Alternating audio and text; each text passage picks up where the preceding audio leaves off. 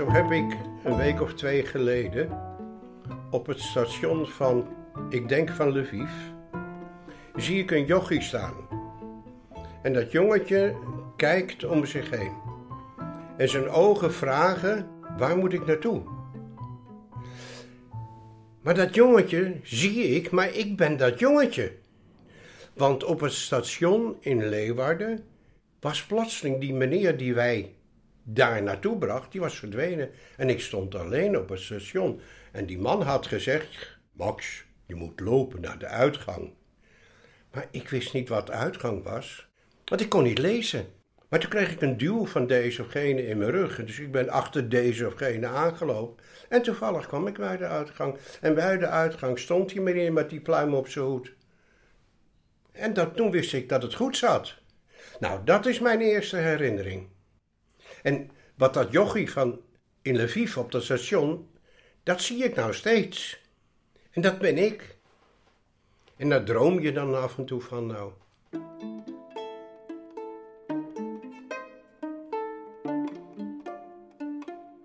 Het is 1942 en Max Arpels Lezer wordt als vijfjarige jongen achtergelaten op het station van Leeuwarden.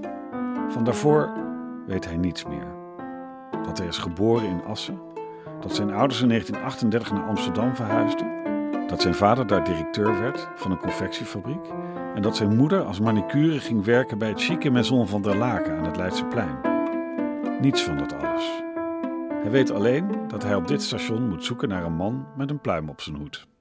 En die persoon met de pluim op zijn hoed heeft me met in de bus meegenomen naar een klein dorpje. En met de bus twee uur vanaf Leeuwarden. En heeft me daar afgeleverd bij een gezin waar al een jongen woonde.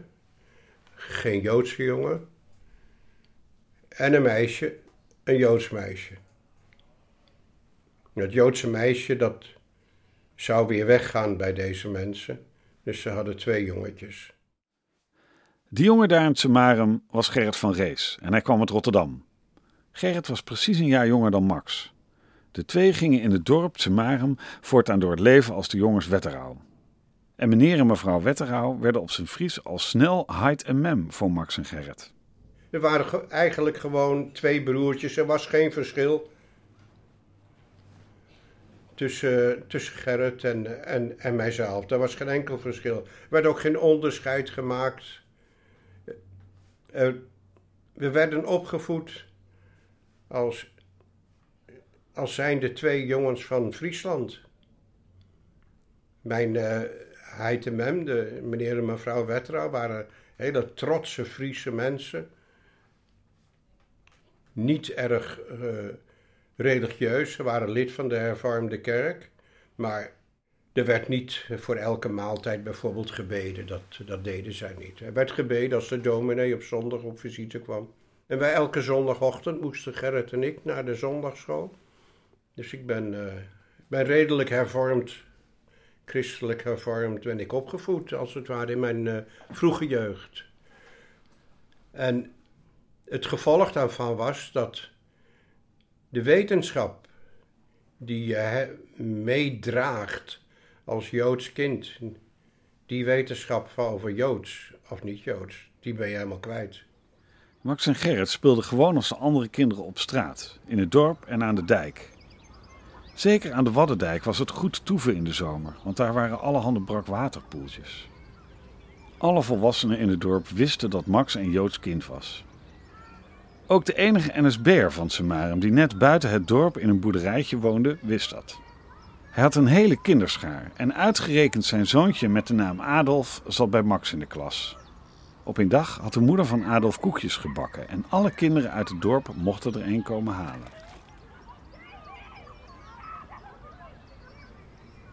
Wij uh, stonden soort in een soort kring te wachten tot moeder met, een, uh, met koekjes zou komen. En daar kwam zijn moeder en kwam naar buiten toe met een, met een trommel en uh, ging een koekje uitdelen aan, al die kinderen. En plotseling staat die vent, die staat in de deuropening, met zijn kop bijna tegen de bovenkant aan. Hij moest, had een zwart uniform aan. Hij moest zijn pet moest hij afzetten, want anders zou hij op de grond gedonderd zijn. En daar stond hij in de deuropening. En wij kinderen schrokken ons te pletteren. wat staat daar in de deuropening? En hij komt zo op me af en ik sta met mijn koekje in mijn hand, de helft heb ik opgegeten. En ik sta zo naar die man te kijken en die man die zegt met zijn vinger in mijn borst, zo, pats. Ik weet wel dat jij een Jood bent. Ik weet wel dat jij een Joodje bent. En hij drukt zo met zijn vinger tegen mijn borst. En het is een grote vent. En ik ben een klein kereltje. Dus ik donder zo achterover op het erf. En ik was zo bang dat mijn broek wordt helemaal nat van de binnenkant. Want ik pieste zo in mijn broek. Van angst. En die vent die draait zich om en die loopt weg. En wij, ik stond op en alle kinderen, we renden we allemaal weg. En er is nooit meer één woord over gesproken. Nooit. Ik heb nooit gehoord van mijn vriendjes, schoolvriendjes of vriendinnetjes. Oh, Max, weet je nog wel dat je in je broek stond te piezen? Nooit. Zo fantastisch, hè?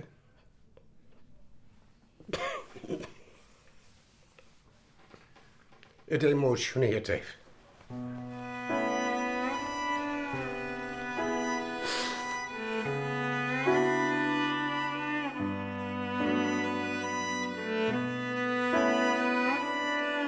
Iedereen in het dorp stond in voor Max. De politieagent had de plaatselijke NSB'er zelfs te verstaan gegeven dat er wat zou zwaaien als hij Max zou. Toen kwam de bevrijding. En Max bleef aanvankelijk de Friese jongen die hij was. Ondertussen was zijn vader Salomon wel een zoektocht naar de jongen begonnen, daartoe aangespoord door zijn eigen ouders. Die vonden dat Max terug moest. Dus, op een dag, kwam Salomon naar het Samarum. Nou, wij waren buiten aan het spelen en zo rond 12 uur, dan weet je dat het etenstijd is, dan ga je naar binnen toe. En in de woonkamer, daar, daar zit vader Salo. Dus Mem die zegt tegen mij van, uh, en, en tegen Gerrit van, jongens geef vader Salo even een hand.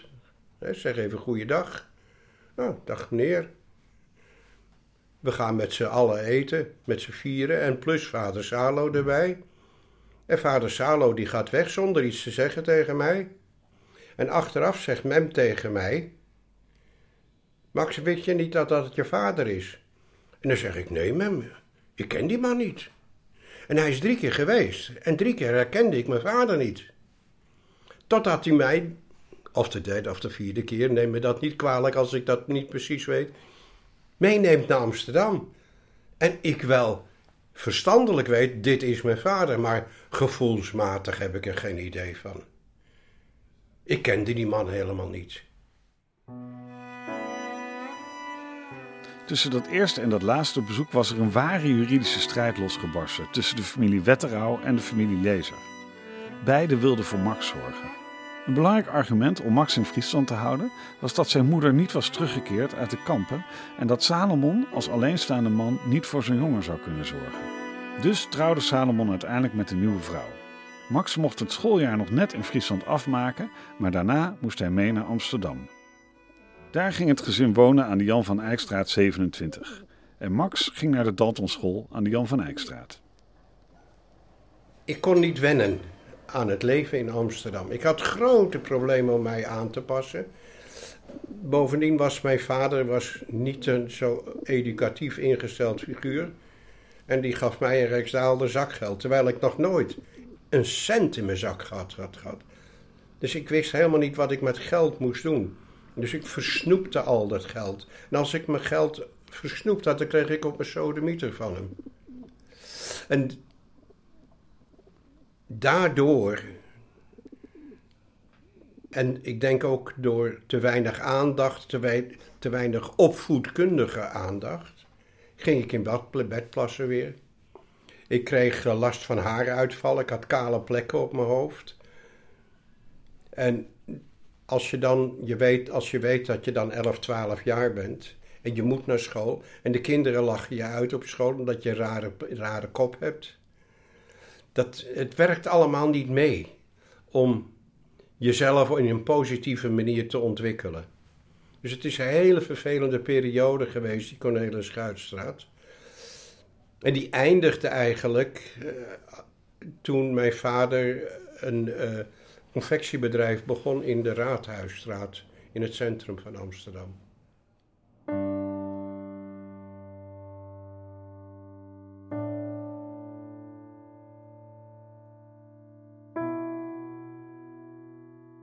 Het grootste probleem van Max' Amsterdamse leven waren echter niet zijn klasgenoten. Dat was zijn stiefmoeder. Zij pakte hem buitengewoon stevig aan. Ze probeerde zijn bedplasserij eruit te slaan en hem met geweld te leren zwemmen. Max bleef daardoor in Amsterdam een wat zonderling jongetje die nauwelijks wist wie hij was. Op een dag werd Max, terwijl hij alleen thuis was, gebeld door de Nederlands-Israëlische hoofdsynagoge. Of hij niet bar mitzvah moest doen. Max wist eigenlijk niet eens waar dit over ging.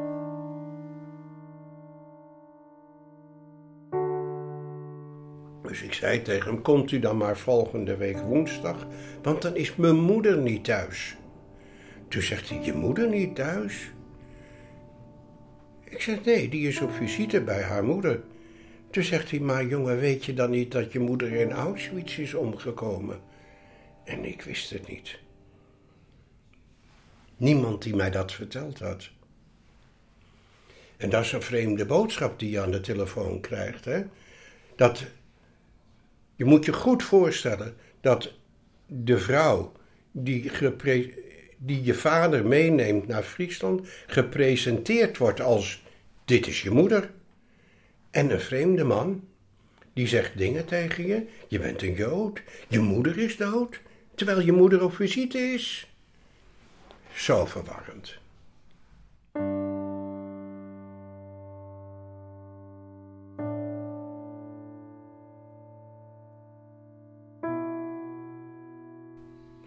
Nou, dus die meneer die is de woensdag daarna is die gekomen en heeft uh, verteld over mijn familie en over het zijn van een Joodse jongen en wat daar de consequenties van zijn. En op een gegeven ogenblik gaat de kamerdeur open en er staat mijn stiefmoeder in de kamer. En die begint tekeer te gaan tegen die meneer. Wie bent u dan wel? En wat doet u hier? En die man, dat vind ik zo chic, bleef heel rustig. En die zei: Goedemiddag, mevrouw. Mijn naam is Polak. Ik ben van de Nederlands-Israëlitische hoofdsynagoge. Ik kom Max vertellen wat u en uw man blijkbaar verzuimd hebben tegen hem te vertellen. Oh ja, wat is dat dan? Ik heb hem verteld dat u zijn moeder niet bent.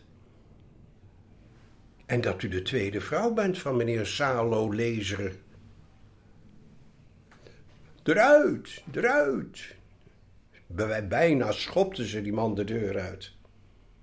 En heel deftig zei die meneer aan het eind, toen hij zijn jas en zijn hoed in zijn handen had, zei hij tegen mijn stiefmoeder: Mevrouw Lezer, doet u vooral de hartelijke groeten aan uw man. Hij kent mij nog wel. Ik was bij zijn huwelijk getuige in harde confrontatie met de waarheid. Maar ondanks dat besteden de vader en de stiefmoeder van Max weinig aandacht aan de kwestie. Het leven moest door. Salomon werkte hard en als hij thuis kwam, viel hij meteen in slaap. Max' stiefmoeder vergreep zich steeds vaker, nu ook seksueel, aan Max. Ondertussen vond zij dat het aan Max lag dat het thuis niet boterde. Maar op een gegeven moment had ze gezegd van morgen, ochtend of middag, ga ik met jou naar een psychiater. En toen heb ik mijn tas gepakt, met spulletjes erin, achter op de fiets gebonden en ben naar Friesland gefietst. S'morgens om zes uur mijn bed uit en op de fiets naar Friesland. En dat heb ik drie keer gedaan. En toen ze, had mijn vader gezegd van nou, hij ziet me dat hij thuis komt. En toen moest ik weer op de fiets terug ook. Hoe reageerde uw onderduikfamilie toen u daar... Ja, een beetje, beetje ondaan, maar wel zo. Wel altijd zo. Van, ach, hé, Max, jongen. Hier helemaal komen fietsen. Nou, kom maar gauw mee. Dan hebben we wel een stukje brood voor je. Of wat er dan ook gezegd wordt.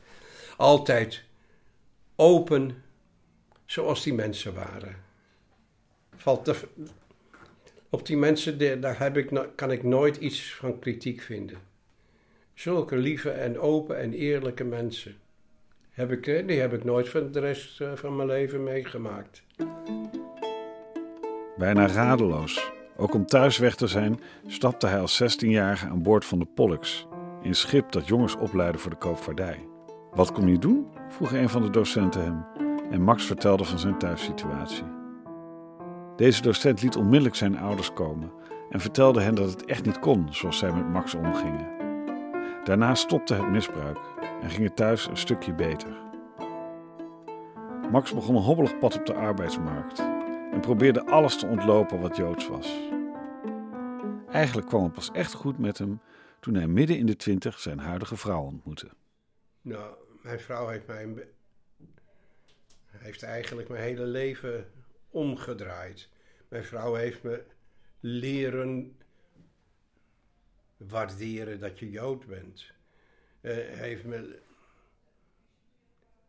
heeft mij Joodse humor bijgebracht. Uh, heeft me op weg geholpen om te zijn wat ik nou ben. Iemand die zeer geïnteresseerd is in Joden. Niet dat ik religieus ben, ik ben absoluut niet religieus. Maar ik, ik interesseer me wel voor Jodendom. Ik, ik heb allerlei activiteiten en, en, en eh, functies gehad in het, eh, in het Joodse leven. En vooral in, waar ik dan na mijn, na mijn 60ste jaar vooral bij gaan inzetten, dat is voor mensen die als Joodse mensen die de Holocaust hebben overleefd. Daar heb ik, uh, heb ik mijn krachten aan gegeven. Tot nu toe eigenlijk al.